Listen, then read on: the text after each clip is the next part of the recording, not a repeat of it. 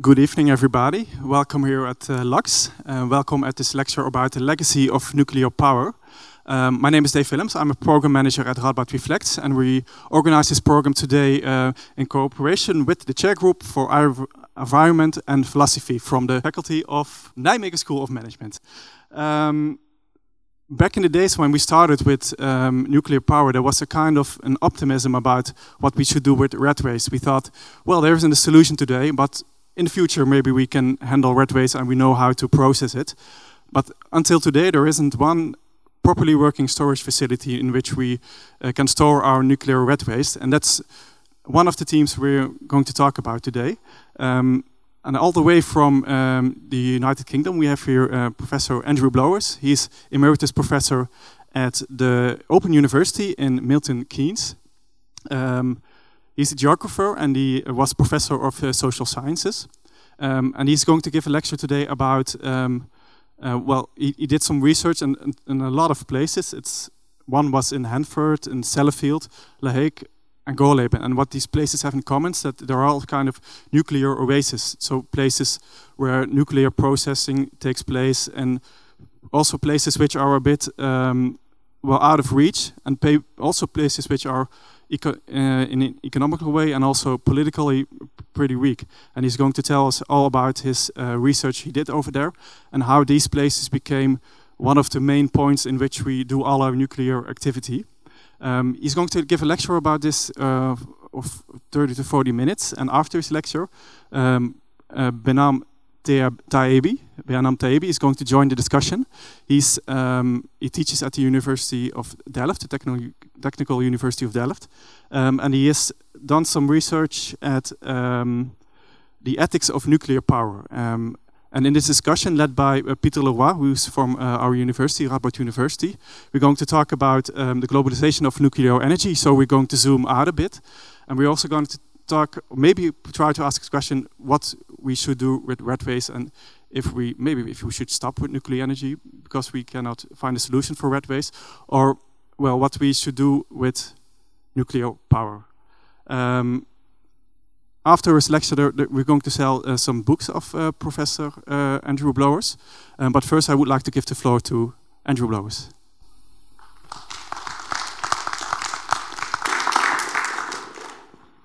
Well, good evening, everyone. And um, I'm very, very pleased to be here in Nijmegen, let me say, uh, partly because things aren't so good in the UK these days, and it's good to be over here in Holland uh, free from it all. And on top of that, we now have a, a, general election, I gather, proposed for my country today. So it's, uh, in, in, every sense, quite a significant um, day. Um, but I'm also pleased here, to be here again because uh, some many years ago, uh, I was a visiting professor at the university when it was the KUN in those days. And if I could just begin, I'd like to thank two people here who brought me here and who I've been associated with ever since. One is uh, Bauer, who was for a long time um, the uh, head of department um, in, uh, in, the, in that school in the university. And the other is Peter Leroy, who will be actually chairing the session tonight. And it was with Peter, as I should tell you in a moment, that some of the seeds for what I'm going to talk about were initially sown. Um, I want to say to start if, by saying these, the nuclear legacy has these various dimensions. It is, it is physical, but also social. Um, it is uh, spatial and temporal, two dimensions that I'm particularly interested in, and it is scientific and ethical. It is a complex issue, uh, and I want to say something about that this evening. But let me first, as a preface, say how I got here and how these thoughts have come. I've had a rather sort of mixed career over the last uh, 30 years or so. Much of it has been tied up with the nuclear industry, but as a social scientist and not as a person uh, embraced by the industry particularly. And there are various influences that have come together which have uh, led me to produce the book which I'm essentially talking about tonight. One is the academic influences, Um, my interest as a geographer, obviously, but also as a historian in space and time, an interest which I had right from my earliest days at university in communities. I've also been interested in the concepts of power, of inequality, uh, and um, the integration of social sciences. So, the number of academic areas have come together uh, in terms of my interest. But I also, um, for many years, for about 30 years, was an elected politician in a county government uh, in England. Uh, and it was during that time that I became involved in the uh, nuclear industry when I was asked um, if I knew that there was going to be a nuclear uh, dump in the area which I represented. Uh, I had no idea about this, but within a few hours, I was announcing to national television that there was indeed going to be one and that we would be opposing it. Um, and I got involved politically uh, from that particular moment. But that politics also gave me an interest in issues of, uh, uh of inequality and um, power uh, to go along with the more academic interests and in decision making. I then became involved for various reasons in um, national policy making with the United Kingdom government.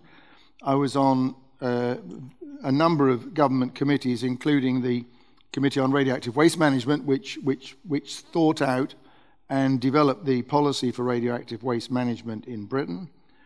For a time, I was um, a um, non executive director of the Nirex, which was a nuclear waste disposal company, uh, they had been my former enemies, and I think in order to try and get them sanitized, I was invited to join them. Um, and I was also involved with various regulatory bodies. So I've had an academic, a political, and a policy interest in these matters over many years.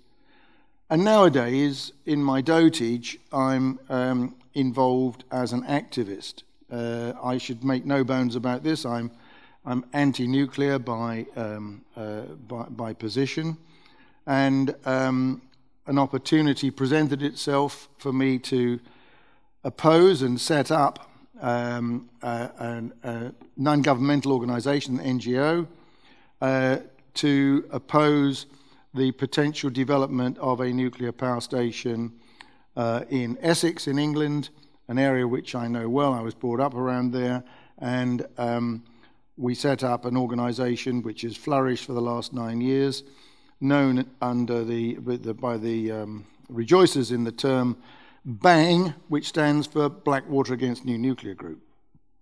And these days I also chair a, a government NGO forum. So, what I'm talking about, in a sense, has been for me an academic odyssey, a kind of biography which has integrated my various interests, political, academic, uh, uh, and so on. So,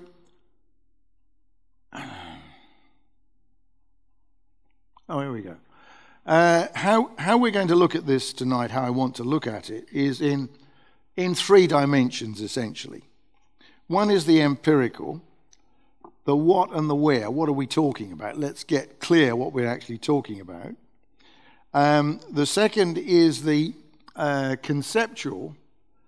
So the what and the where has to be somewhere, and it is in what I'm going to talk about as peripheral communities. I'll come back to that in a moment, but that's the sort of conceptual idea behind this. And thirdly, there's a sort of theoretical uh, context um, which brings this idea of the periphery into ideas of power relations and how they are mediated, how they develop, uh, and so on. Uh, as you, the idea that they are shaped, defined, and constrained within particular discourses. And again, I'll come back to that particular concept a little later. So that's broadly speaking the structure of, of this talk tonight. Now, the what and the where, let's, uh, let's come down to that first. Uh, I did say earlier that it's physical and social. Now, the legacy is certainly physical. It is what is left after the generation of nuclear energy finishes. And this consists obviously of buildings, of um, wastelands, uh, and landscapes uh, of risk essentially, ponds, silos, and so on. All the desiderata that's left behind. And, and the important thing to notice is it is radioactive. Uh, and some of the radioactivity is very long lasting indeed. Some of the storage and so on has not been good. And these nuclear wastelands are created in various ways.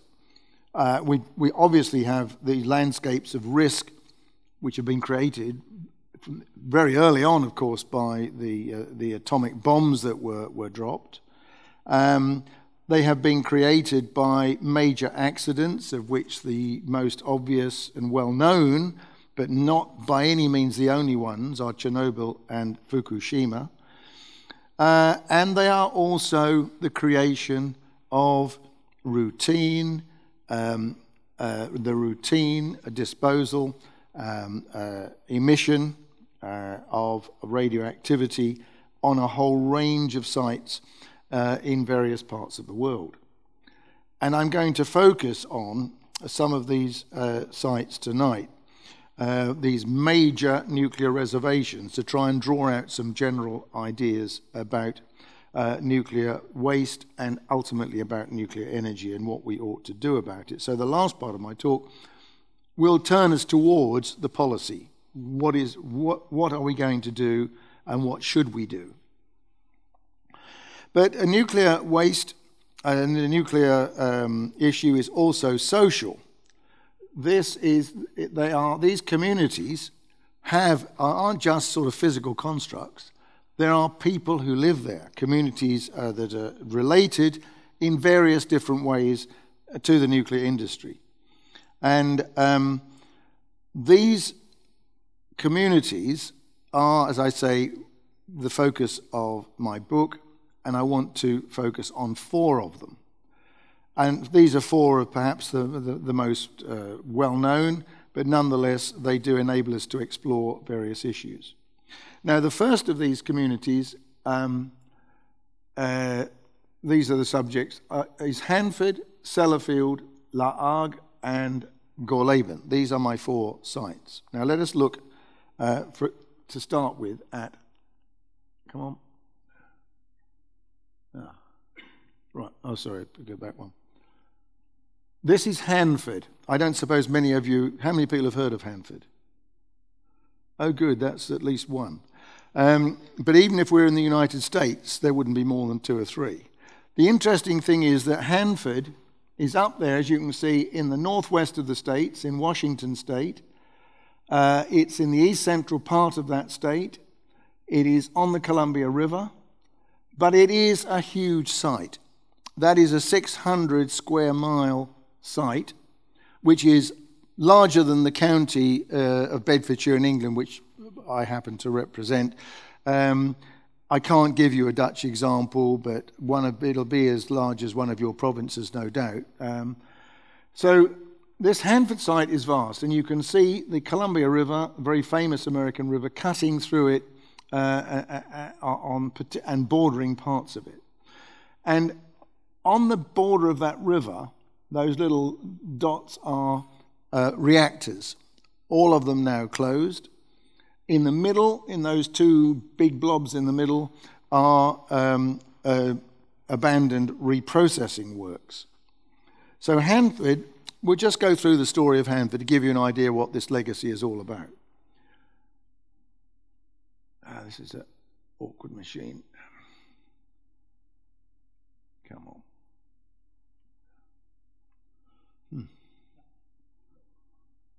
Ah, we're there. Uh, that will do. Um, that's Hanford, as you can see, before the Second World War. That's one of the streets in a little village called White Bluffs. This area at that point was sparsely populated, um, semi desert, very few people uh, living there. There was a Native American tribes uh, roamed the area, and there were some homesteaders who settled to grow um, certain crops. They were established. Yeah, this is a, this one's a bit uh, dodgy. Oh, that's better. Um, this is a modern picture, but this is the sort of a, a homestead um, at that particular point in that semi-arid um, area of uh, uh, northwestern United States. So what, ha- and those, that's an example of um, the, meeting that took place. I explain this in a minute with American um, Indians. In 1942, um, the Manhattan Project was being conceived and developed, and um, a, a, guy called Colonel Matthias was asked to fly out to fly out and try and find a site where they could undertake uh, a, an important but secret activity. And um, he flew over the Columbia, where Hanford is, and said, This is it. It had got water, there didn't seem to be many people there, and it was a long way away from everything. Looked the perfect spot. Within no time at all, a month or two, it had been decided that that's where this project would be, and they began constructing on that site. So, very, very quickly, in a matter of two and a half years, um, that's a reactor being built, incidentally. Within a matter of two and a half years, uh, uh, the, the, area had been completely developed. This is uh, a picture of the um, barrack like accommodation of the 50,000 workers that were brought onto that site in next to no time. It's a prodigious effort, uh, a big war effort. They didn't know what they were doing, what, you know, what, what, what the work was all about. It was highly secret. Uh, there's the Columbia River on the right, incidentally, but these were segregated accommodation. People brought from all parts of the United States. Um, I think it was racially as well as gender segregated. Um, and well, that was the, then, and they were also building these things called canyons. These are reprocessing works, really long cement uh, buildings um, with uh, inside rather sinister, a whole sort of thing. Those are the buildings in the middle of the site and what were they doing? They were constructing or they were developing plutonium. And it was plutonium that was intended for one of the bombs in the Manhattan Project, the bomb that uh, destroyed Nagasaki. The uh, Hiroshima bomb was a uranium bomb. The Nagasaki bomb was a plutonium based bomb. This is just a picture of the, uh, the fireball and the devastation at Nagasaki on August the 9th, uh, 1945. So what, that was what that was about. And, and at that point, suddenly, they knew what had happened. And you've got this kind of um, outpouring of pride, patriotism, pleasure, and joy, in a sense, that the war had been won and that the, the contribution made by Hanford and its workers had been absolutely significant. And you probably would never have that kind of pride ever again. But you've got to get yourself into the mindset of that period to understand what that was about. Um, so, so that was what it was about in the first instance. After the war, Hanford developed very rapidly as part of the Cold War effort of the United States um, and uh, expanded rapidly. Uh, more and more reactors were built around the Columbia. There was reprocessing, experimental facilities, and for something like 30 years, it was all systems go. Hanford was one of several big reservations in the United States that were contributing to the Cold War, um, the, the, Cold War arms race. Uh, and but what happened was there was you had to deal with the uh, detritus from this effort. And it wasn't very well dealt with. It was sort of dumped, casually tipped. A lot of the really um, nasty brews of radioactivity were put in these tank farms. There are something like 180 of these tanks that took this early legacy, and some of them uh, subsequently, quite a number of them, have been leaking. Uh, there are fears that they will leak into the aquifers and ultimately into the Columbia River. It's a highly dangerous situation uh, with the, the, the, tank farm at, uh, at um, Hanford. And so, at the end of the Cold War, which came at the end of the 80s, uh, Hanford's role suddenly and spectacularly had to change because the arms race was over. The need for all this plutonium had gone. There was a de escalation of the whole situation, as you know.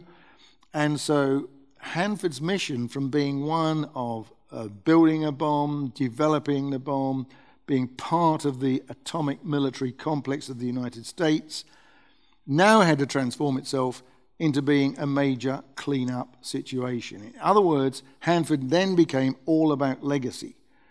And it is um, one of the most uh, contaminated, as you can see, those quotes tell you, uh, huge environmental problems on the Hanford site.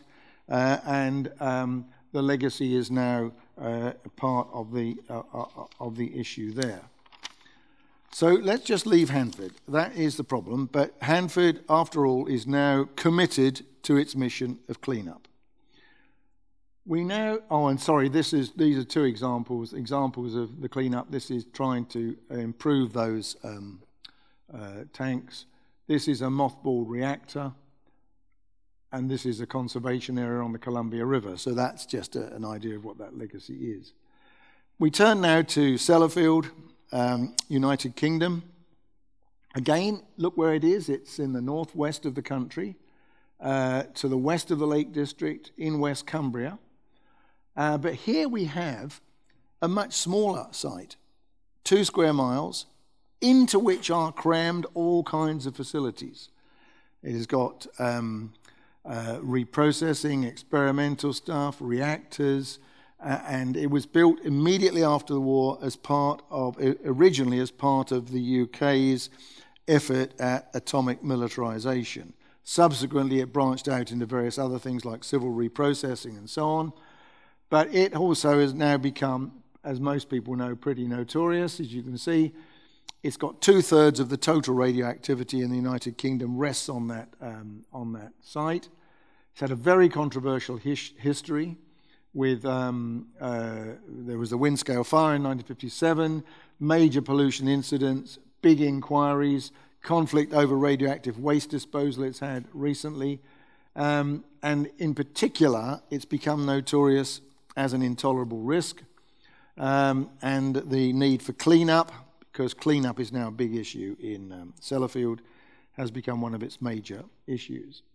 That's a, a picture in the 80s, I think, of the uh, Sellafield site. That shows you the condition in some of the areas, the worst areas of, um, of uh, uh, Sellafield. Those are ponds, uh, legacy ponds. Under that water, there'll be just stuff that has just been uh, sort of uh, surreptitiously uh, dumped. And that is a, a, a big issue. Um, that's the Calder Hall Power Station. Uh, and this is an example of some of the conflicts that occur over Hanford. I thought I'd show you this because in 1983, which was an important year for the Hanford, uh, sorry, the Sellafield site, um, a lot of controversy. And you saw this poster, which always struck me, of asking people to visit Sellafield before Sellafield visits you. Um, and on the right is a badge that I possess. I found it very useful in my life in the sense that um, if I need a seat on a crowded train, I simply put the badge on and uh, people make way, and uh, it's uh, fairly uh, easy to, um, uh, to find a seat. But Sellafield then is a, a quite a, a controversial um, place, heavily polluted, as I say. I turn to the third area, which is uh, France. And France has got a very big nuclear program. And much of its, its reprocessing is now in that top left hand corner on the um, peninsula there, uh, where there is the reprocessing works of La Hague.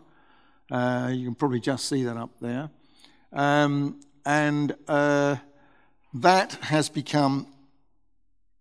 This is, a, this is a picture. You can see how very much on the edge of France that is, right up there in the English Channel, as we call it. Uh, that's the Flamanville power station nearby, which still is not opened. It's been under construction for some time, overrunning in costs and in time.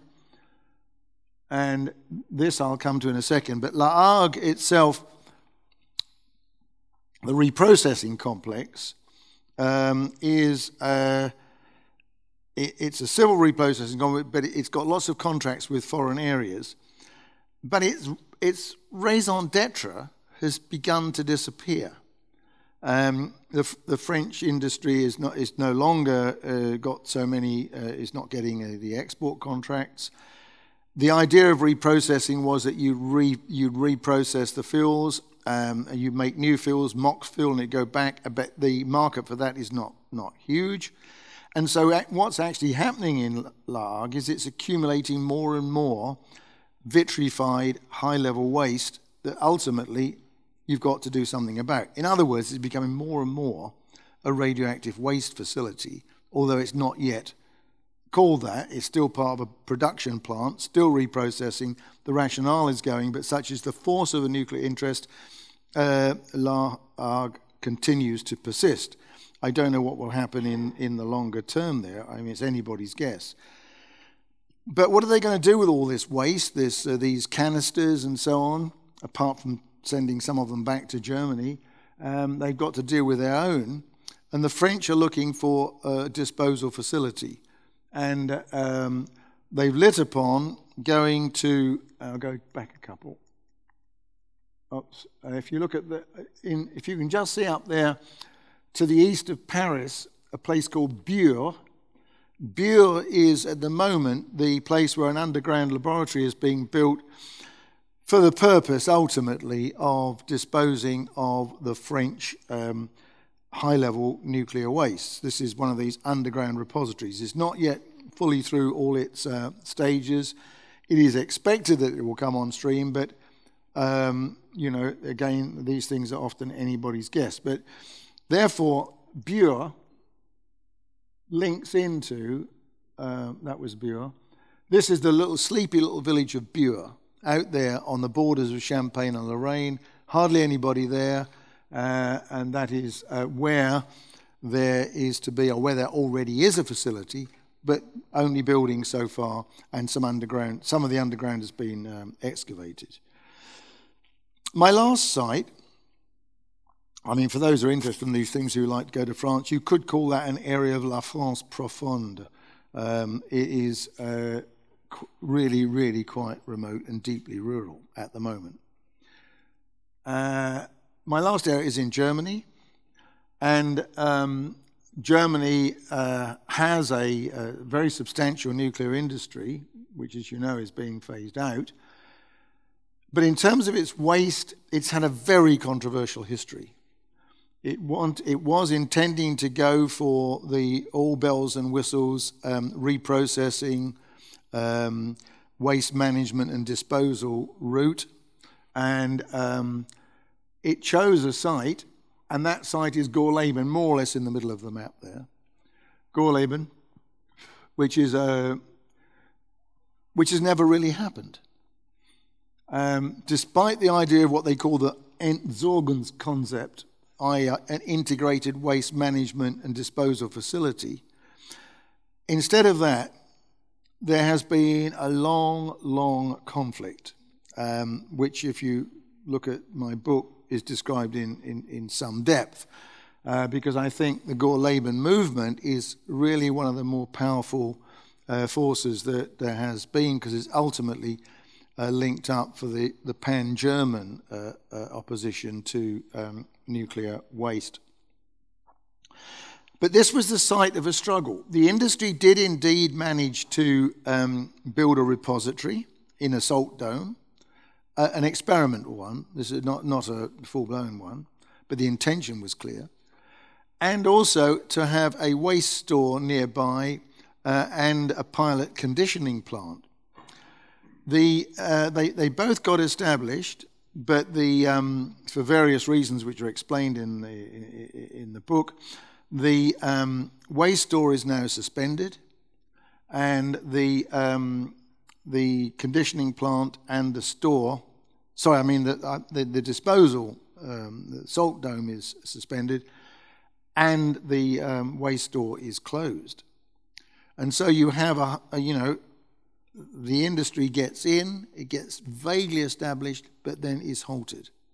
And this is um, an area, a, a, an example of um, the power of oppositional tendencies, which have been able to uh, prevent the full establishment of a, any sort of legacy management long term uh, in uh, Germany. There are some other sites in Germany I could comment on, but I don't think there's really enough time. So, what can we say about these communities? Oh, sorry, this is this is these examples. That is in the middle. There is the salt dome with the headworks. Uh, to the left is the store. Now look at this area. That's the River Elbe. Um, the other side would have been East Germany at one time. It's now United Germany. Um, but it's hidden away in these woods in an area of waterland and forest which, is, which has become known as Wendland.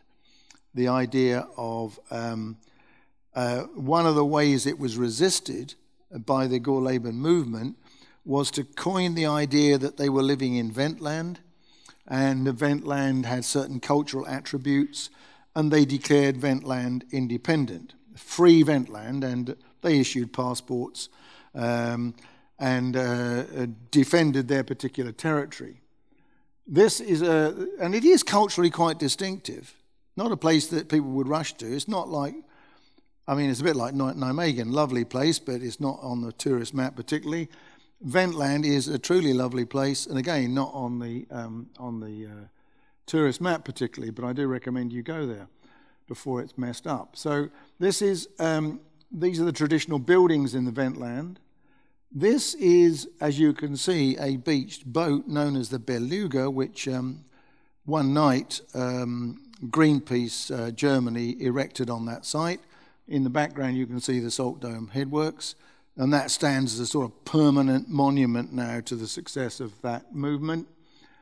Um, and these are all over the area. Still, you can see the symbols of protest, the ubiquitous yellow crosses, the castor flasks, um, which demonstrate the, uh, the, power and uh, continuity of the movement of opposition. So, what can we say about these, uh, all these places? I think we can argue that they are, in their different ways, examples of peripheral communities. And they're peripheral in the sense of being geographically remote. It doesn't mean to say that they are not near anywhere, but relatively remote can be an accessibility issue as well as a purely geographical spatial issue. So Hanford is clearly um, remote in one sense, although these days it's tied into the mainstream in other ways. This remoteness complex is quite, um, this remoteness concept is quite complex. I mean, if you look at somewhere like Bure and nowadays um, Gorleben, they are within countries, but you could argue that they are internal peripheries because they're areas of low population, out of the mainstream, and so on. Um, and uh, Sellafield is up there in northwest England. You saw, you saw um, La Hague on the edge of France. So that's one characteristic. A second characteristic is economic marginality, a, a, the tendency to be dependent upon um, one dominant activity, namely the nuclear activity. This still remains true in Sellafield. It's less true these days of Hanford, where there's much more, more has been more diversification, but still Hanford is the big player in that area. Um, and on the other sites, uh, uh, the relationship between the nuclear is quite a dominant one in its, in its context. So, economic marginality there's a third characteristic, very difficult to describe unless, you, unless we've got plenty of time, but it's a sort of cultural characteristic, a combination of various things. Of uh, there's a certain realism about these places, uh, with a certain resignation, a resignation to the image that they have, a fatalism, but also a resilience, a, a pragmatism, and an adaptation, which you see and to that extent also a, an idea of a sense of identity that is derived from this. But they are, I would say, culturally distinctive to the extent that they have been described, for example, as this has been described as a nuclear culture. um, or a um, plutonium culture. A book was written called Plutopia, it gives you an idea of, of the sense of, uh, of, of, this kind of thing. Gorleben, by contrast, of course, uh, evinces the idea of cultural resistance, of resistance, but again, drawing on a sense of identity from an area that's perhaps um, geographically remote, to some extent economically marginal, but that gives it the power to resist rather than to uh, identify with the, the, nuclear industry. There are also areas um, of, one might argue, political powerlessness. Um, in one sense, they're quite powerful.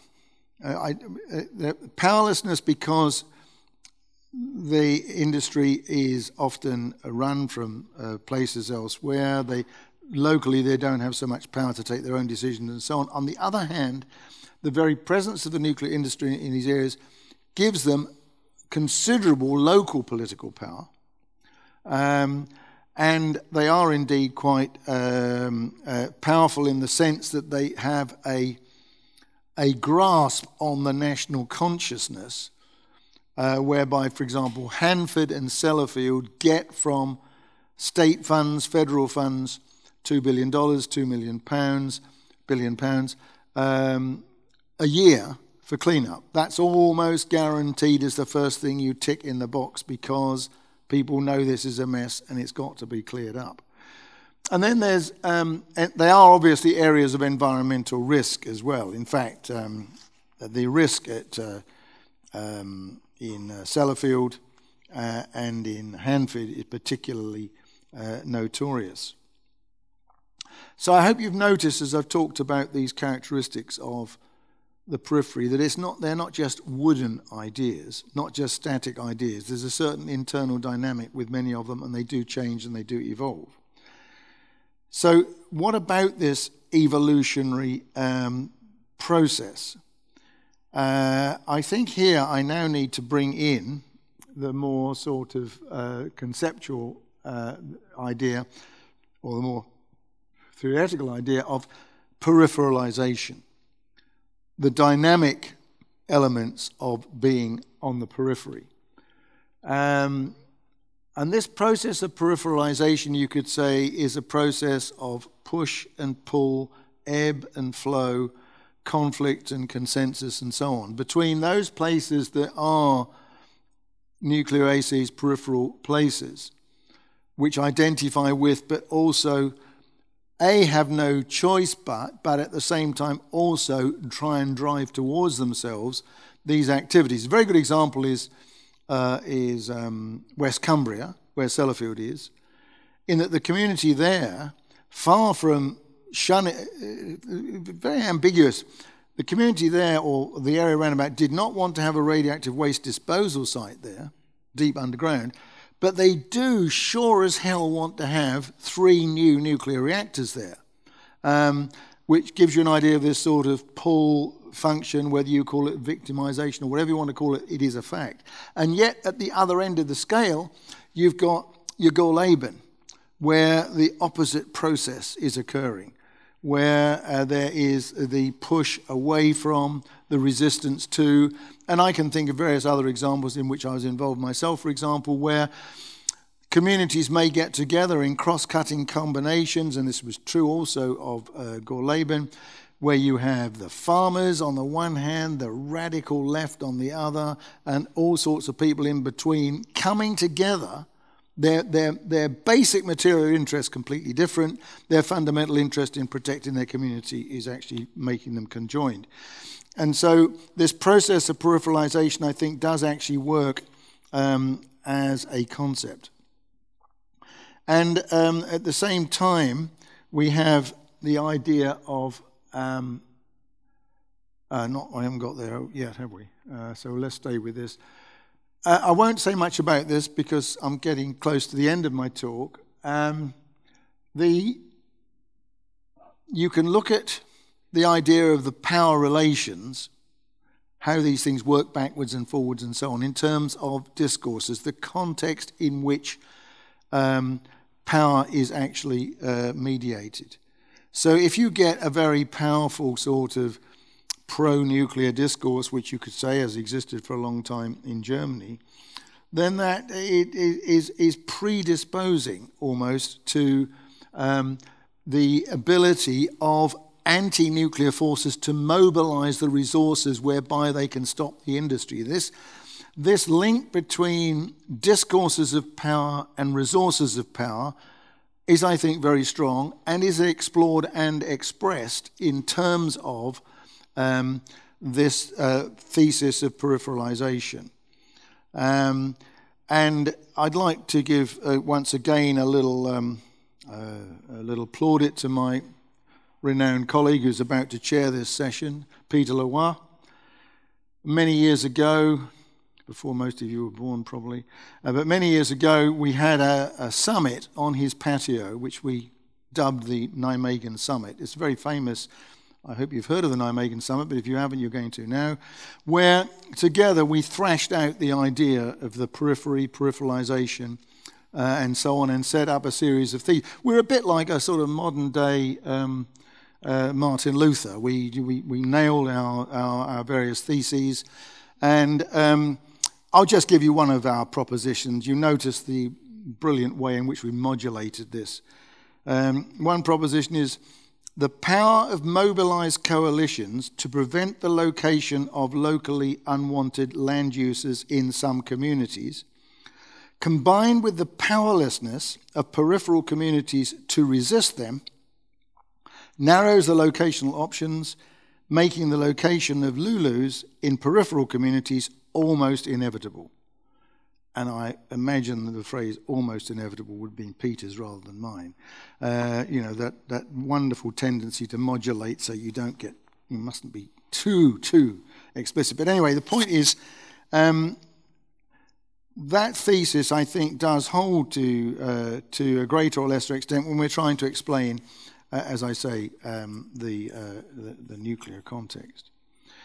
The final uh, part of this talk um, I want to turn to the question of which uh, Comrade Lenin, of course, very famously asked, What is to be done? Well, um, the solution, in terms of the long term, what is the problem? Sorry, what is the long term solution? Uh, at the moment, we've got uh, cleanup, uh, and the idea is that once, once you've cleaned it up and once you've uh, packaged it properly, consolidated it, encapsulated it, the, the, the, the worst of these wastes, then you bury them and you can forget them. In other words, you go for disposal. But if you look around the world at the moment, disposal hasn't got very far. Okay, they're constructing it in Finland. I think there are peculiar reasons for that. And it's looking likely that Sweden is going to follow. They have got sites and they have got a concept. Elsewhere, the picture is not quite so clear. I mean, I've mentioned Bure. That is not uh, sealed and delivered by any means.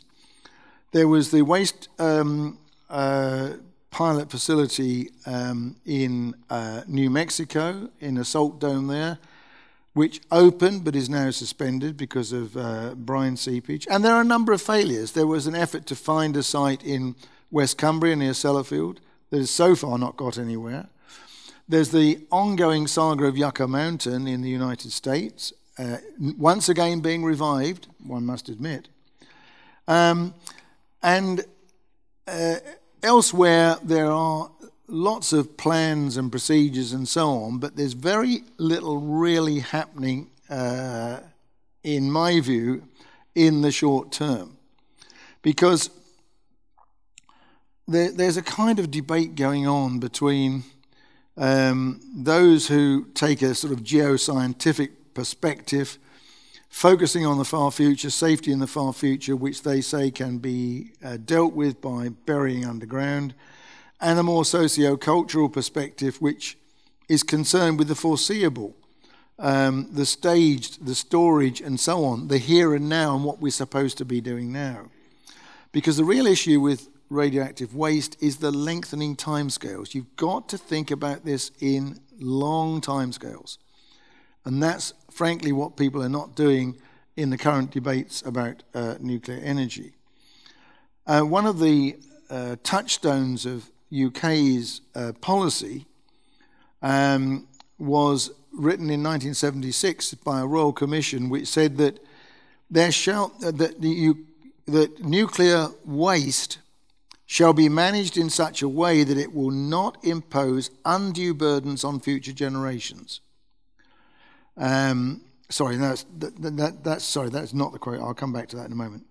Um, this, this idea about not being managed for future is the idea of intergenerational equity.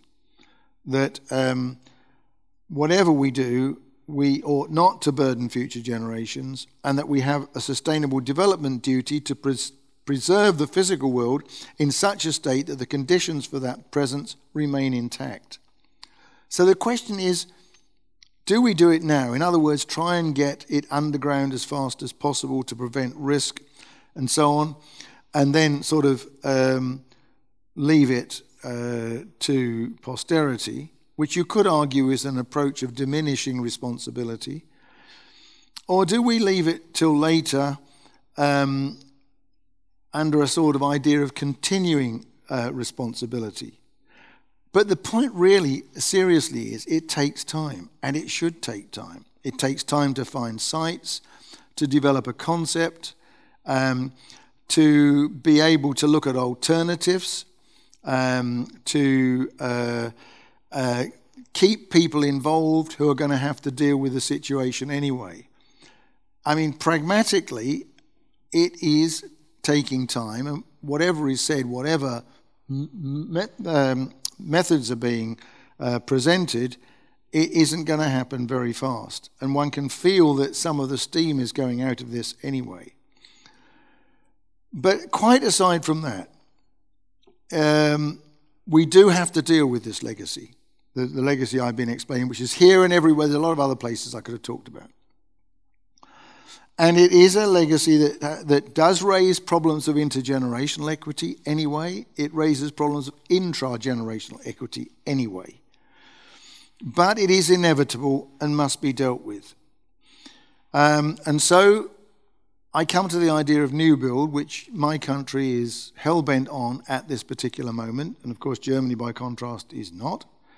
Um, and I have to say that it seems to me. Um, uh, uh, well, and, and, to which geological disposal is seen as the answer. Um, if you can solve the problem, then it's okay to go on creating more. And I, I, I, I quote this, um, this uh, 1976, which said, there should be no commitment to a large program of nuclear fission power until it has been demonstrated beyond reasonable doubt that a method exists to ensure the safe containment of long lived, highly radioactive waste for the indefinite future. And uh, that seems to me, that's the position which the UK government and lots of other governments have held on to. But now we have the weasel words coming out of the government which says um, that the government is satisfied that effective arrangements will exist to manage and dispose of the waste that will be produced from new nuclear power stations. How can they know? And yet it's upon that that um, is predicated a long term solution and which uh, gives the uh, UK government a defence in order to expand its um, nuclear uh, power. It is, to my mind, an, ethi- an ethical issue. Um, nuclear, the argument, we haven't time to go into this, but there are all sorts of arguments should we or shouldn't we have nuclear power. In my view, we should not. Um, and the idea that it has to be part of the mix and it's there to save the planet through decarbonisation, I think, is wholly overblown. Um, and um, th- there are wider arguments to do with cost, to do with danger, and to do with technology, which we could deploy against uh, uh, the expansion of nuclear energy. But there is evidence, in my view, that it is not necessary and it could only make a fairly marginal contribution. Um, and um, given the dangers, these are the things that people wish away. Um, nuclear power is an is an ethical issue in its own right. It's not a rel- relative issue, it is, I think, an absolute one. The fact is, it is inescapable. It leaves a dangerous legacy, which, if you expand, will be unknowable, uncertain, and unpredictable. So I come to the final point, which is that the problem we have is already here and it exists in peripheral communities which are having to guard our, our nuclear waste. It is there that the problem must be solved because they will be there for generations to come.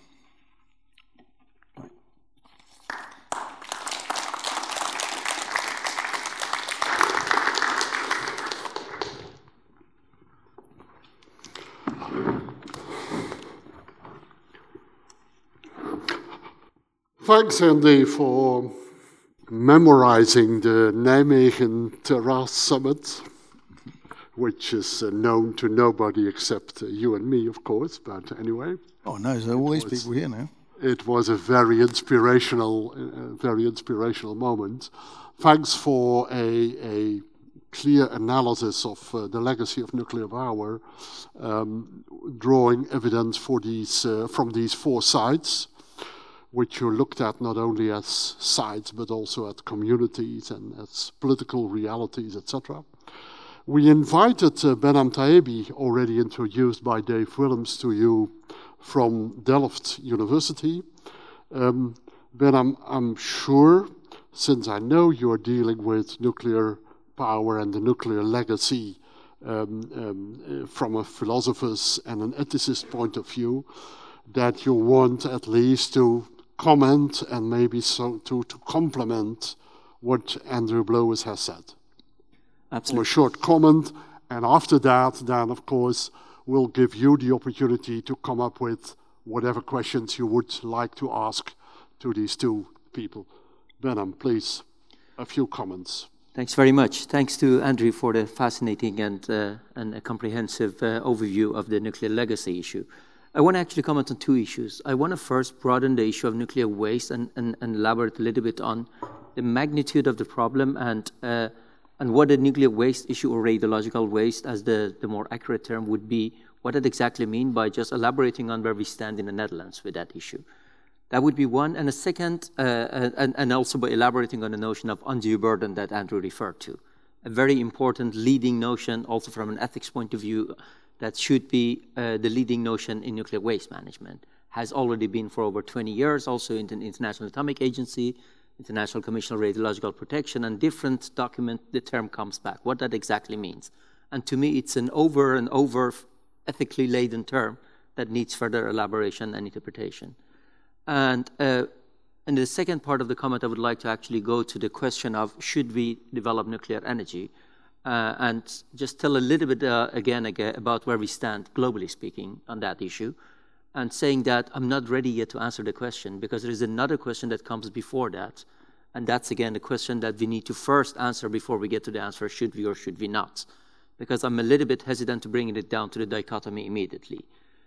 Um, let me first start by the issue of nuclear waste. Um, many of the issues that have been mentioned in Andrew's talks are, are indeed legacy waste of dual waste, dual use facilities, uh, uh, facilities that, for instance, reprocess used fuel. And just to make it a little bit understandable and closer to what is happening here in the Netherlands, the waste coming from the Borssele reactor, spent fuel, to call it actually in the correct terms, coming from the Borssele reactor is being reprocessed, as it is called. Simply put, recycled. It goes back and forth to La Hague, one of the facilities that was actually mentioned and, and referred to today.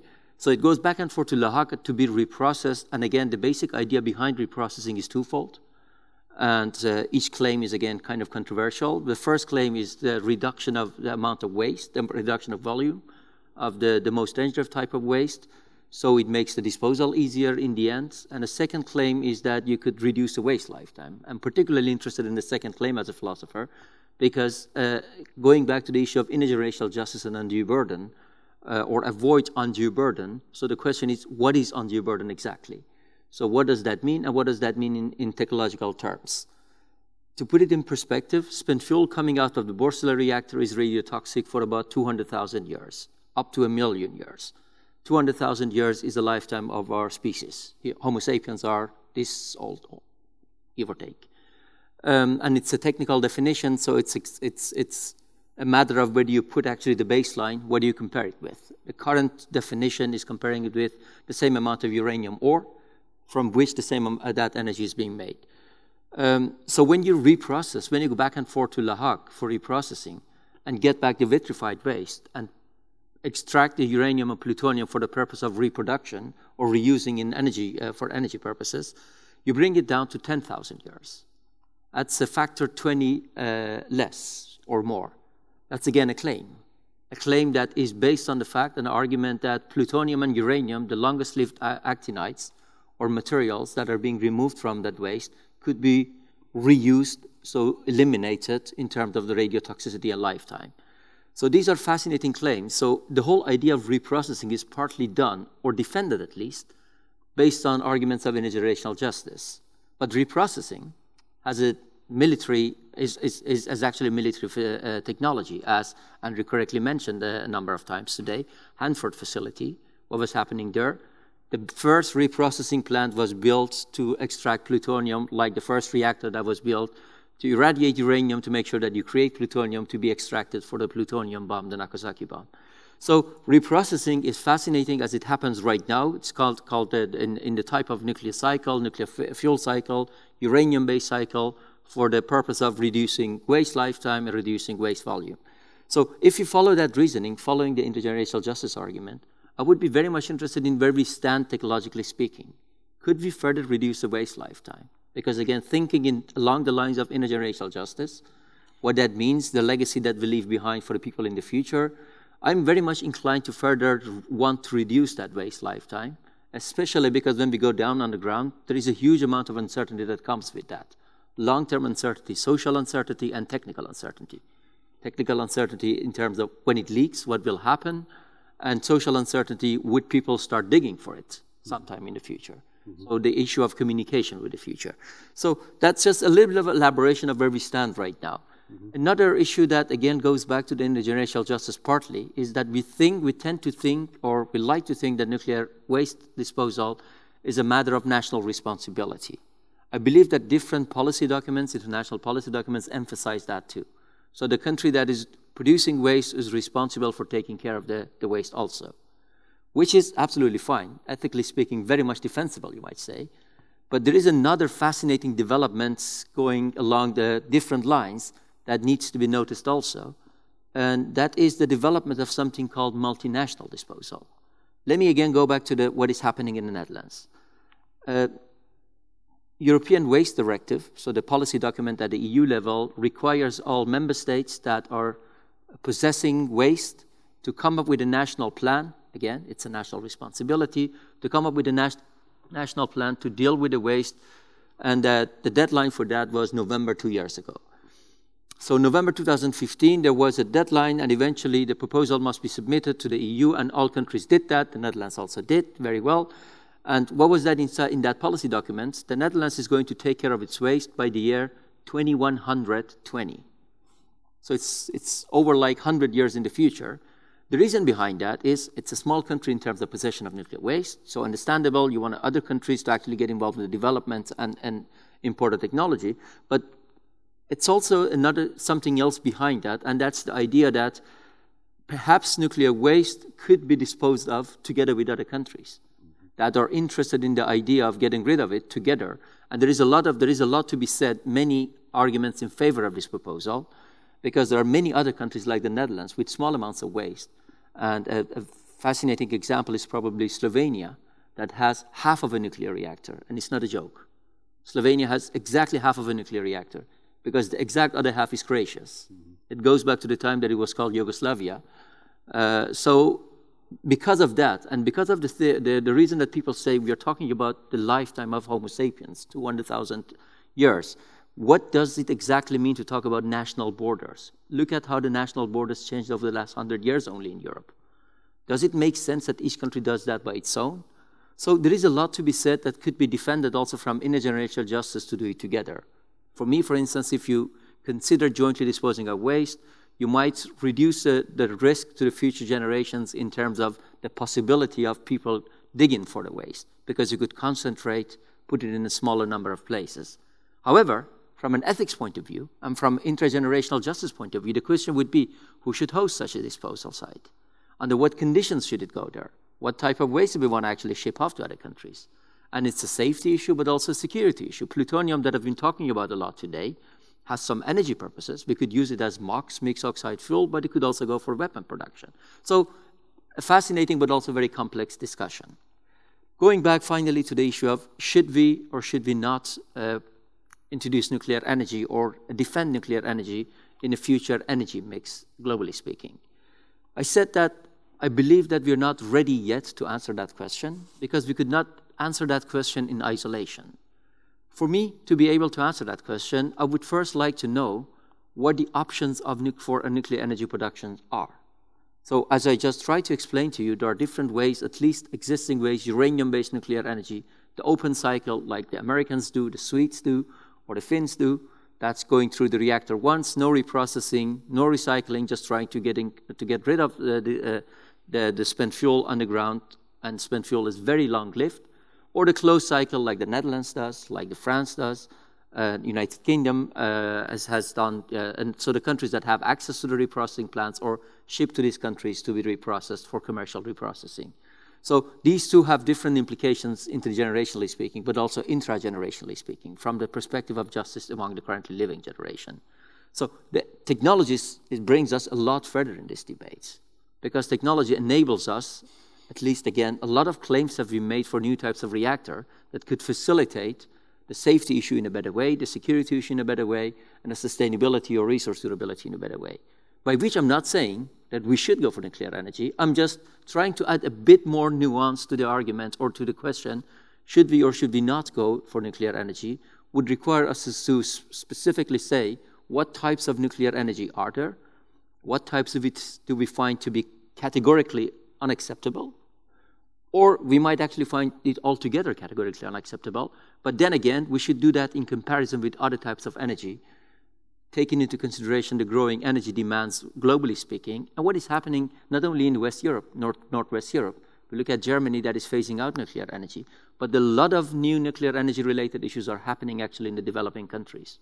In China, as, uh, as a, one of the main countries that is probably going to be the biggest nuclear energy producing country, Russia is doing a lot, the two of them, mostly Russia, is also exporting or planning to export technology to many developing countries emerging economies with growing electricity demands.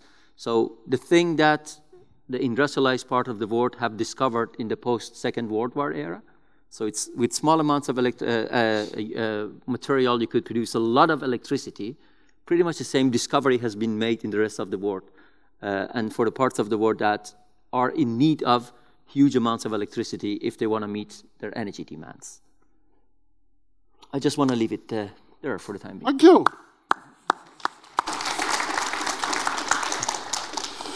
I think on the one hand, Behnam, you, you seem to reconfirm the linkages that Andrew um, built between the social and the physical on the one hand, between the technical and the social, between the spatial and the temporal, um, as far as it goes to the volumes of, of nuclear waste and their, and their lifetimes, etc. On the other hand, you seem to extend his position in some sort of globalization, or at least indicating, pointing at the tendency of nuclear power. Uh, we always think, well, Germany is phasing out, so the whole world is phasing out. And in contrast, you say, in fact, what we live, what we witness is a globalization of nuclear energy.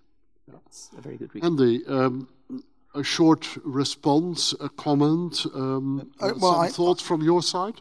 I don't see what has been said as an extension of my thesis, partly because um, uh, it's been said that um, you think it's too early to decide. Um, I take a different view. I think it is not only uh, not too early, it's uh, long after the time we should have decided to uh, uh, abandon nuclear um, power. A lot of the arguments being put forward for continuing even the technological ones, I think, are challengeable.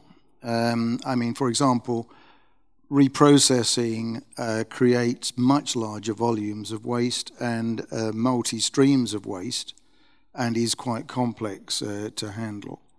Um, and uh, the high level waste that you have to uh, develop that are usually vitrified uh, certainly need to be. Um, certainly are going to have activity for many, many thousands of years. I think this idea that somehow if we can shorten the time span, and I have doubts that this will happen because the nuclear industry has promised us this for you know eons. Um, you've got to look at it in terms of the actual time spans. Mm-hmm. I mean, w- what is the difference between 100,000 and a million years? Or indeed, even between 10,000 years and 100,000 years? When we have a situation that it, we cannot foreseeably um, manage uh, uh, these wastes underground um, by the middle of the next century. I mean, the, the, speed at which we're going is very, very slow. I would argue from nuclear power stations that I know, if new nuclear power stations are built in 10 years in the UK, which is possible, they will last for 60 years. They will generate spent fuel, which is supposed to be on those sites, and that has to be cooled down and could take another 50 years it is inconceivable, it seems to me, that there will be um, underground facilities available to take all of this. Let us look at this realistically. Mm-hmm. We have a problem, and this is what, what I would emphasize here and now of managing these dangerous wastes. Creating more, it seems to me, is, is, is highly irresponsible and highly dubious. And, but even if you could put up an argument for that, I don't see that nuclear energy is a necessary component of the world's future mix of energy supply. I just don't see it. Um, you, can, you can already see things happening which rule out, it seems to me, having a, a, a dangerous, b, a very costly, c, something that, that leaves us with the most awful legacy. I mean, the negatives against nuclear energy, even if we needed it desperately, are huge and ought on their own to prevent us going further. Um, and, uh, you know, I just find all the promises that we get from nuclear scientists who have huge vested interests in this, I have to say, um, all the promises we get that somehow or other, you know, uh, the Holy Grail is only just around the corner, have never worked. And, um, you know, I doubt, I doubt they ever will. But even if they do, my point is, I don't think it's necessary, and I think it's dangerous and dubious. And I think the possibility that you get from nuclear energy, which of course is linked to the military, it's linked to proliferation, and all of those things, is on its own a pretty big threat to civilization. And to put that up and say that is a solution for climate change, I think is incredibly dubious. Mm-hmm. Okay there is a clear disagreement between you on whether we are ready to take a decision. Maybe not on what the decision finally should be, but anyway, on whether we are ready for the decision. I think this is a good moment to turn to the audience. Um, there are some microphones, or at least you have one. Um, well, maybe another one is coming. There is one person there on my right hand side who wants to take the floor. And please be as concise and precise as possible in your questioning. Does it work? Yes, it works. Thank you for, for, for your speeches. Um, uh, my, my, name is Daniel Meijers. I work for a small uh, uh, environmental organization uh, focusing mo mostly on the nuclear energy. Uh, and actually, I have just a, a, a, short question. It was in the news this morning in Belgium. Um, there is a, a nuclear waste uh, researches going on, and there is an organization which is called NIRAS. Uh, and they are responsible for uh, uh, managing nuclear waste. And they've been working for a long time with the community in the in the municipality of Dessel um, to prepare them and to work with them to look for a solution to store the nuclear waste there. Um, and uh, so, I don't know all the details of the of the Belgian uh, policy aspects, but uh, to these weeks, the NIRAS they sent a letter to the Belgian government asking them to um, first uh, uh, agree with the site uh, well, not to first agree with the site and then look for the technicalities if the site is actually suitable for the nuclear waste, uh, but first to see with which community can you work, and then uh, to look for. Well, actually, I'm mixing it up now. But actually, they, they they, um, they, the nuclear waste uh, organization asks, well, can we not look at the technicalities when we agree with uh, uh, uh a community? Um, and I think what is, is your question? Uh, my question is for uh, both the speakers to comment on this. What do they think? does the social, the, the acceptance of the nuclear waste storage or the technical feasibility, safety, safeness of the storage site, um, what should come first? Uh, is it like, uh, well, you find an easy community where you can work with and they would like to have a new gym, or like safe geological uh, sites? Thank okay. you. Okay, clear question um, and a well-known dilemma in nuclear siting. Andrew Blowers? Well, yes, this is a perennial question. Um, it's one that uh, I think is at the back of much of the problem of nuclear waste management. I spent a lot of time in my career trying to get the point over that radioactive waste is a social issue as well as a physical one. Um, and therefore, the answer to your question is uh, neither one nor the other, usually, but you must have both um, in democracies. And I think in most cases, America more recently, certainly uh, Germany, who recently been looking at this issue, um, and uh, in the UK, the idea, which indeed I, I wrote into policy documents, is that you, you, that you have to find a site that is scientifically and in engineering terms uh, absolutely robust as a concept. Um, and that is by no means uh, clear cut, mm-hmm. uh, but also that is socially acceptable. In other words, uh, that the public uh, are prepared to uh, accept it. Because in the past, you got nowhere when, by a process of decide, announce, defend, sites were simply parachuted from the sky and communities uh, fought against them. I mean, Gorleben is the classic example of this, but, uh, uh, but there are many others that, that, that, one could cite. So I do think it is a, it is a, it's a combination of the social and the scientific to, uh, to, to get a solution. And that is another reason, incidentally, why this process is going to take so long. Mm-hmm. Um, and it may be that in 50 years' time we've still got nowhere, that there are other things that come up. But what, what I would preach against and have tried to do tonight is that none of this uh, provides any excuse whatsoever, in my view, for creating more nuclear waste. It's difficult enough to clear up that which we've already got, and the idea that we create more when we don't actually need the power is, in my judgment, insane. Okay, we need both conditions. Behnam Taebi. Uh, I think on the first part of the answer, we could definitely agree, uh, and it's pretty much my answer would be along the same lines. Um, in the literature, this has been referred to as the socio-technical divide. Um, back in the 80s and 90s, the idea was that you come up with a scientifically sound solution, uh, and that must be the one. So you sell it to the public. And uh, there was this thing called the participatory turn, after which the idea was you need to get people on board with that.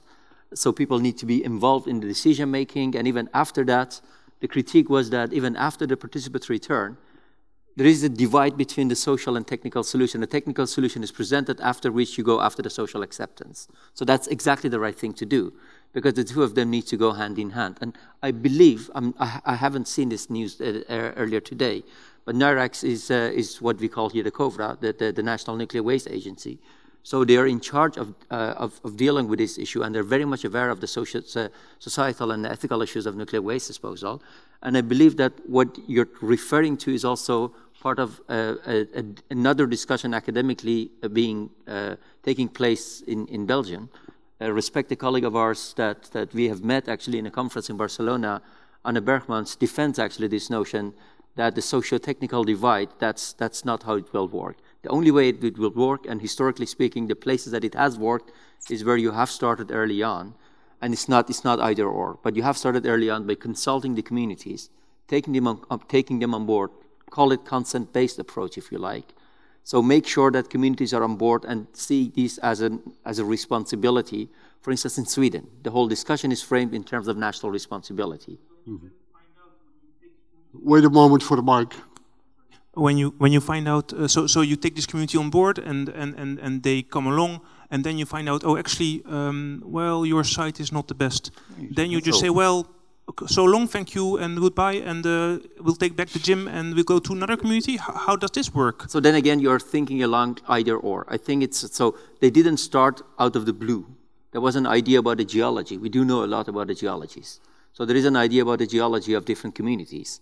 So there is a short list, and uh, and so the whole discussion came after a discussion, uh, uh um, those consultations, uh, community consultations, it doesn't come out of the blue. You just don't go through, to, throughout the country and say, who is willing to take this on board? So you have an idea as a policymaker, but it shouldn't be that you have actually figured it out altogether.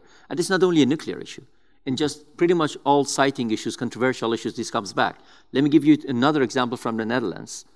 The Barendrecht example, the, the carbon capture storage example, was exactly this mistake. So coming up with a technical solution, Shell proposed to run a pilot plant in the Netherlands a couple of years ago to store CO2 and other greenhouse gases coming from their own refinery. So the idea was that there was an empty gas field beneath a residential area in Barendrecht. So it's technically absolutely sound to do, at least that was the claim. So let's go for this. So from a social perspective, being beneath a residential area brought so many actually uh, uh, concerns and, and controversies with it that the whole project ended up in a big failure. So that and this, there, there, are many examples from the nuclear uh, nuclear waste disposal also. I just make one very brief point, which yeah. is about new build. Um, this elaborate process of trying to find somewhere for the disposal of, of legacy wastes, mm-hmm. it, we, I think we've cleared how that is going on, and, and, a consent-based solution in which you um, you, do do both things at the same time, but you, you can't go too far with one without going too far with the other. But in terms of new build, nobody is bothering to ask communities in the UK whether they're happy to have um, spent fuel on their sites for what will be uh, like 150 years. I mean, the middle of the next century, I'm thinking, will be when it's still there. Nobody bothers to ask them. Mm-hmm. Um, you know, it, it, once, once a power station is located, the way seems to follow it. Mm-hmm. And I think this is totally inequitable. And going back to my point about timescales, 150 years ahead is a massive amount of time. It's infinity in terms of our thinking times, you know, and we're not, we're not making adequate preparation for that or getting consent. Okay. Was somebody else here in the middle of the. Um, where are the mics? Dave, could you approach this um, here in the middle of the second, second row. Yeah, I have one remark on Sweden. Sweden uh, had a short list of 20 uh, uh, possible sites, but then purely by coincidence, the one that uh, had an existing nuclear power station uh, was found the most suitable. Um, nobody believes that, technically. And the second one, do you think that uh, the people in Sweden uh, would like to store Europe's waste, if you're talking about multinational repositories, or the people in, in Groningen, because uh, as we when we talk about the Netherlands, um, Groningen is the most likely place to store the Dutch waste. Uh, what we see now in the in the 19 uh, in in Groningen with the natural gas extraction we saw in the 19, 1970s with the plans to store the nuclear waste in, in the salt domes under Groningen. Um, so is it a remark saying that the argument about Sweden was not fully valid and correct? Or do you have another question? yeah, I, I think that that uh, the the possibility of uh, a location for nuclear waste depends on um, uh, an agreement with with the people and not um, prevails by technicality. Okay.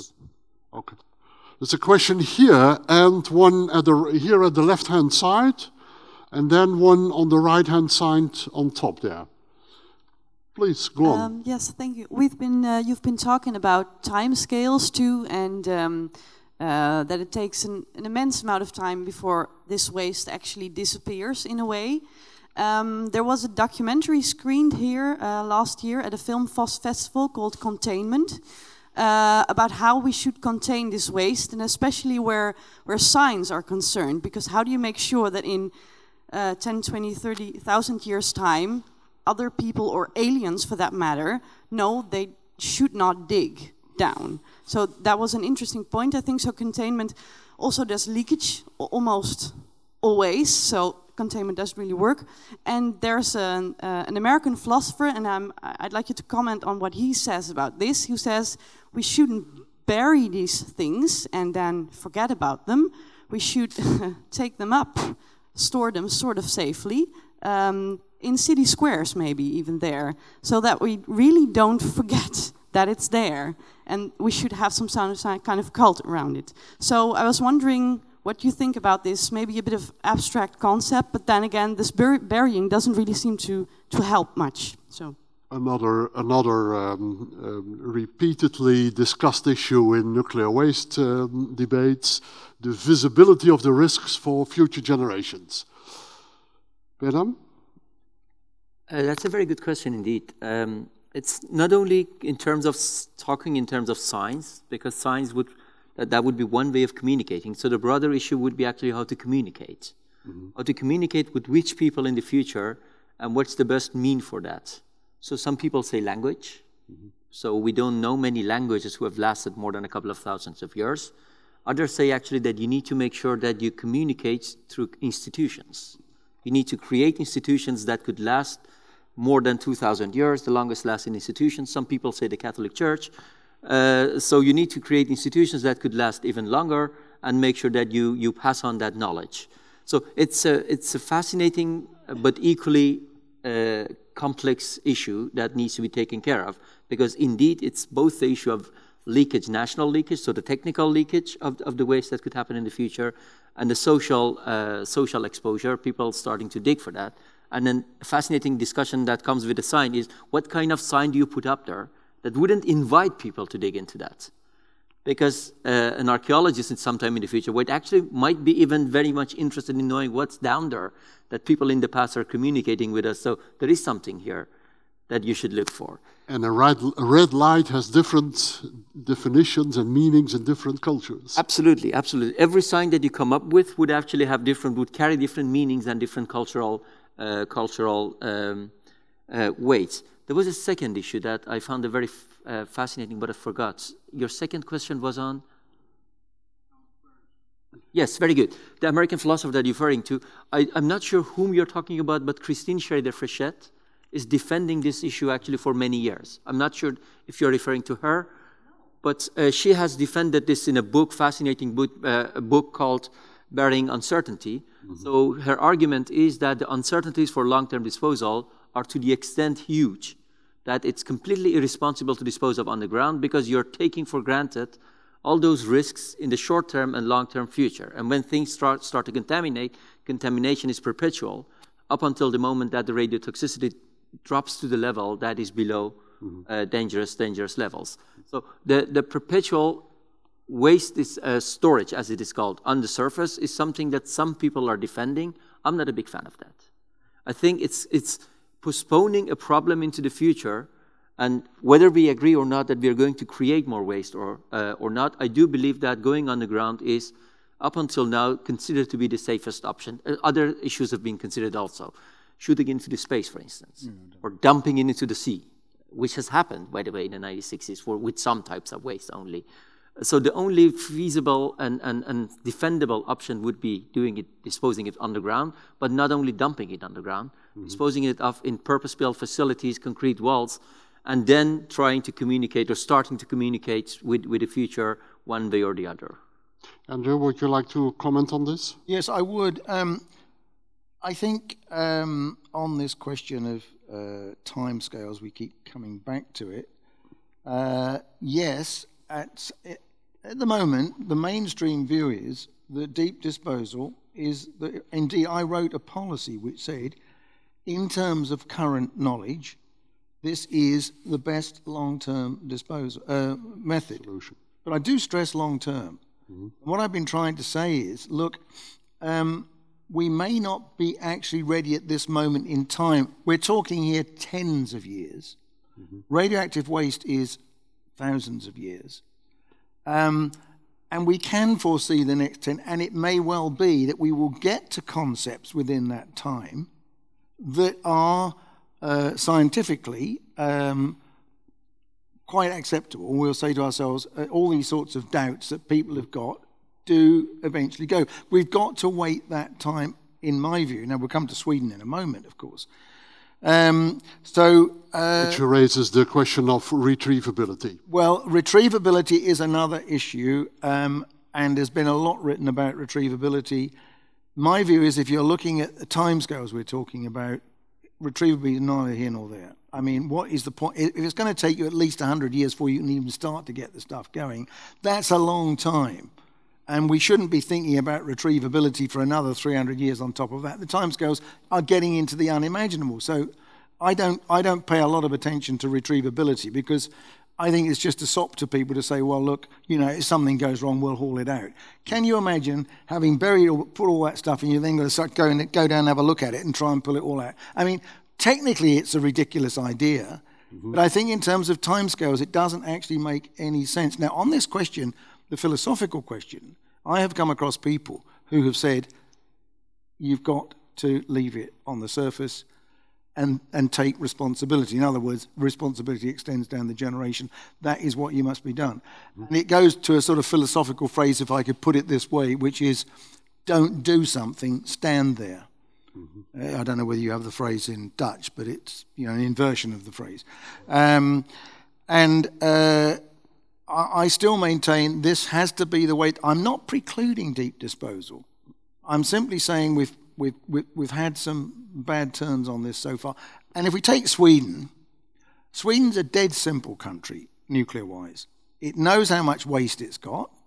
It's not intending, as far as I know, to expand it. Mm-hmm. So we know, and it's all in the form of spent fuel, the stuff they want to put in the, the deep repository. And they've got nothing but granite. Mm-hmm. I mean, damn it all, it's got to be the easy peasy solution. And all their sites are on the coast. Same with, same with Finland. And of course, Sweden's gone hell for leather, right down the track. I mean, it went through a whole load of this sort of voluntarism stuff. Um, a number of uh, communities in Sweden said, no, no, we don't, no, no, no, thanks. And in the end, with Sweden, it's been sort of let's let's let's define the rock types and so on. And in the end, they came up with Oskarshamn and uh, Östhammar. Mm-hmm. Uh, and they were in the lovely position of these two communities competing with each other for it in order to take on what's known to us as the Baltic platform, this famous KBS 3 concept, which was, you know, this was the, the be all and that is the final solution, Rolls Royce solution, bentonite, etc., copper canisters, stick it down there, everything's happy. You now find there's some doubts about this. A, was the process okay? And B, is everything hunky dory? Personally, I think the Swedes and the, the Finns will go that way. But it is not a general case. We should not go from the Swedish situation to think that's what's going to happen everywhere else. It's much more complex in, in other societies, I would say. There was somebody who would ask from the okay, far right. is it working? Yes. I have a non-technical question. It seems very strange in this discussion, but um, I'm wondering whether there is an international precautionary principle uh, guiding nuclear energy because we're all now internationally agreeing upon uh, precautionary principle for fossil energy, as in uh, protection for climate change. But hasn't there been uh, uh, any moment that we should have said, well, it is better to prevent than to heal? And is there such an, uh, well, sort of a signed paper for it? Behnam, I would like to give you the opportunity to respond, since I would like to link it to a point you made, which is the idea of multinational disposals. Mm. And then, of course, that links to his question what is the regime that would govern such a multinational approach of nuclear waste? That's indeed very, very, very good question. First of all, uh, no, I don't think that there is such an international agreement about the precautionary principle on nuclear energy. And I equally believe that there is none about fossil fuel. Just look at what's happening all around the world. We do believe that you should stop emitting fossil fuel, but just look at what's happening in the biggest emitting country, and consider that the United States might be actually pulling out of the Paris Agreement sometime soon, basically to go down the road of the fossil fuel and, and, and the coal uh, power plants. So um, going, bringing this back to the issue of I just want to focus on nuclear waste disposal. The precautionary principle uh, and version of that, an interpretation of that in nuclear waste disposal is the undue burden phrase that we have been discussing earlier on. Um, but an important discussion is uh, both the multinational disposal and also the international developments of nuclear energy. This also goes back to the discussion that we had in the beginning, why I believe that uh, it's too early to say nuclear energy yes or no, and why I believe that it's not going to be a very helpful discussion because you need to also look at the developments as they are happening right now. The development that are happening right now is that 30 countries all around the world have nuclear power plants, running nuclear power plants as it stands right now. What was the last, what is the youngest member of nuclear energy producing countries? Any idea? Iran. Iran was the youngest member of nuclear energy producing countries. Another 30 to 40 countries are waiting, actually, are potentially interested to develop nuclear energy. So a lot of these countries are just having some interest that they wouldn't develop, but some of them a large portion of these 40 countries might actually be in a position to do that, and that's because of another very important international, agree, uh, international discussion. We tend to think we tend to think that nuclear energy, nuclear waste disposal, are matters of national responsibility and national sovereignty, but a lot of what is happening in nuclear is already international. Only the technology is coming from different countries. There are very few countries all around the world that could produce nuclear, that could actually build those nuclear energy reactors and France being one of the famous ones. And France is not building anything and selling much right now because the, the, the most recent examples were not uh, big successes that they could build on. So they were delayed, and then the costs were actually much more than anticipated. But which country is building most uh, or is having most contracts right now to build nuclear energy uh, reactors all around the world? Take a guess. Russia. Russia would be actually the number one country contracting. Why is that? for the fascinating reason that they are offering a concept. They call it the BOO, the build, own, operate. So the Russian concept is we offer you a nuclear energy reactor. So the reactor we build for you, we pay for it also. We run the reactor. We just send Russian engineers. Literally, we send people who could run the reactor for a number of tens of years. You could enjoy from the electricity that is being produced we take off the revenues as much as as long as you could actually pay back for your reactor, and the reactor will be there, is yours, and that brings a wealth. I've, I've actually called that some in some place an offer you can't refuse. If you take into account that developing countries are actually in dire need of electricity, and for them it's very often actually coming from coal. So coal is the cheapest, shortest answer to electricity in many developing countries that don't have much actually to spend on, uh, on and many emerging economies if you consider their uh, growing energy demands. So when Russia comes into play with such proposals, it's, it's a very fascinating proposal, and that's why Russia has already signed new contracts with Iran to build new reactors, to build new reactors in, in uh, North Africa. Uh, so Vietnam is a country that has signed a couple of contracts with Russia. Behnam, Turkey. But are you are you one one moment one moment? Are you arguing that that in response to his questioning for ethical principles, be it the precautionary ones or other ones, uh, that in contrast with ethical principles or with whatever regime, in fact, the extension of nuclear power will be dominated by geopolitical economic motives rather than with any issue of nuclear waste. Is that a fair conclusion of mine? Mm-hmm. That is indeed a fair conclusion. Uh, and also the issue of the waste issue is also something that has been partly taken care of mm-hmm. in the Russian proposal. Because mm-hmm. Russia leases fuel and takes back the waste, by which I'm not very happy that the waste is going back to Russia because nobody knows what's going to happen with it. Mm-hmm. And it's a concept that they have been offering for the last couple of years. So they have been leasing fuel to a number of countries, including Iran. So um, yes, indeed, it's, it's not only a matter of technical issues and a precautionary principle or thinking along the lines of ethical reasoning and should we or should we not do it. It's much more the political, hard political reality and geopolitics that also Russia is playing right now to make new allies, making countries dependable on their technology. And to me, also the issue of governance is a major issue. When a Russian reactor is going to be built in Turkey, Turkey was the first country that contracted four of those reactors when a Russian reactor is going to be built in Turkey, I just want to know who's in, who's in charge of the safety. Who's liable if things go wrong? Who's actually responsible for the waste issue and delivering of the, of the fuel? So who's running the reactor factually? So those are, those are the, the, the issues that are not really being addressed right now. And indeed, the issue of nuclear safety, but nuclear energy in general, needs to be much more globalized. So the thinking about it needs to be much more globalized. Okay, which seems to me only increasing his concerns about the absence of ethical principles and regimes onto this global development of nuclear power, right? Uh, though I interrupted you since you interrupted our debate. I'm glad to give you the mic for a few moments.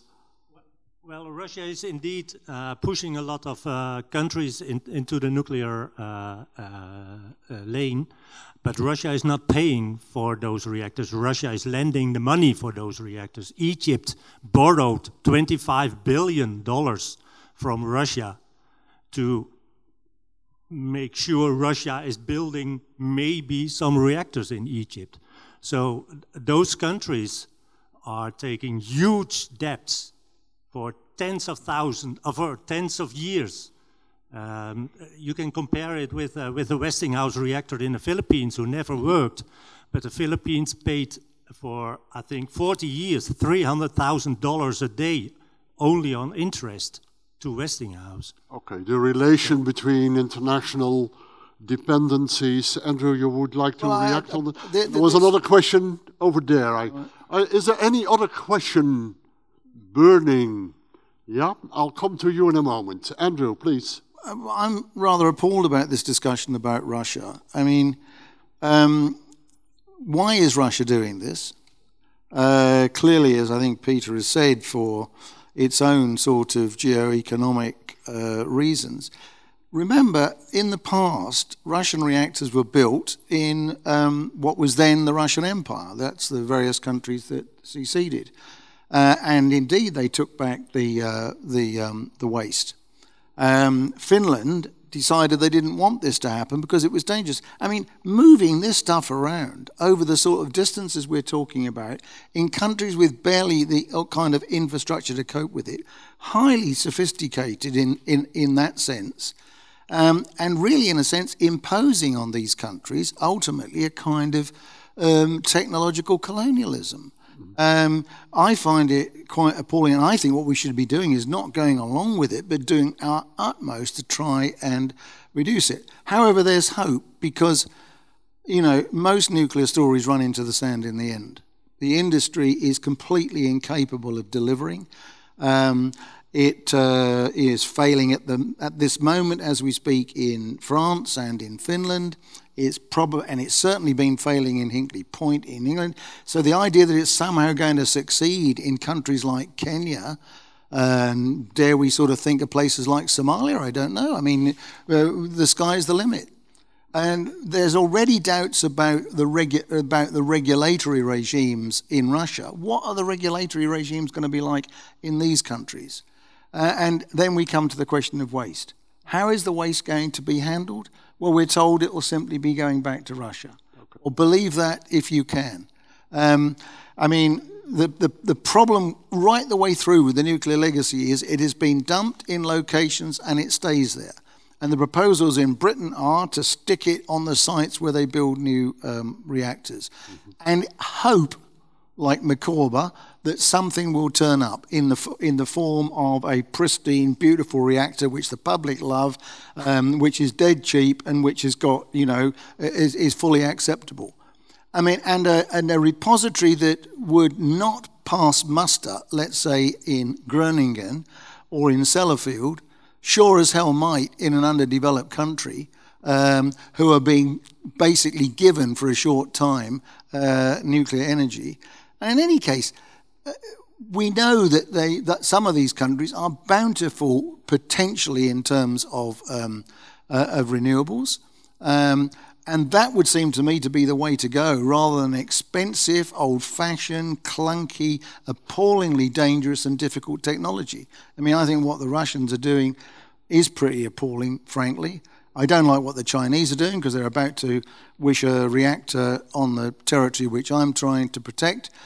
Um, but there were, and, and that goes finally to this multinational question. Obviously, the Dutch are going to hang around. They, they, they, they've got hardly any nuclear waste to speak of. They'll hang around until somebody might take it. But that is not an argument for expansion of nuclear energy in Holland. Your point, your yep, point okay, is crystal fine. clear. Uh, okay, fine. um, I would, I would prefer to give somebody the floor who has not had the floor so far. There is a few minutes left since we agreed to close at half past nine. Please go on. Uh, well, I was, I was wondering uh, what would justify to, uh, to qualify the, uh, the, the legacy of nuclear power as to be so much more um, detrimental to our uh, society and to our uh, environment, as opposed to the other forms of, of, of power supply that we currently have, which are uh, emitting this, this CO2, which is also having uh, uh, its kind of own legacy, which has even a farther reach that we can't grasp at the moment. It is, to my opinion, more of a, a, a, planetary catastrophe, whereas for nuclear it often is more of a, a local catastrophe. So why would you qualify this this nuclear energy to be so much more uh, uh, uh, bad to. But uh, is continue. your question is your question resulting in a question for technical um, um, particularities of different energy producing mechanisms? It's more like or is there something like a great despair in the back of your mind? It doesn't matter anyway. No, it's more like the prioritization in that sense. Uh, as it is said here, that um, why would we continue going on this path of nuclear power um, as it has so many uh, bad uh, effects okay. uh, in the long term? Behnam.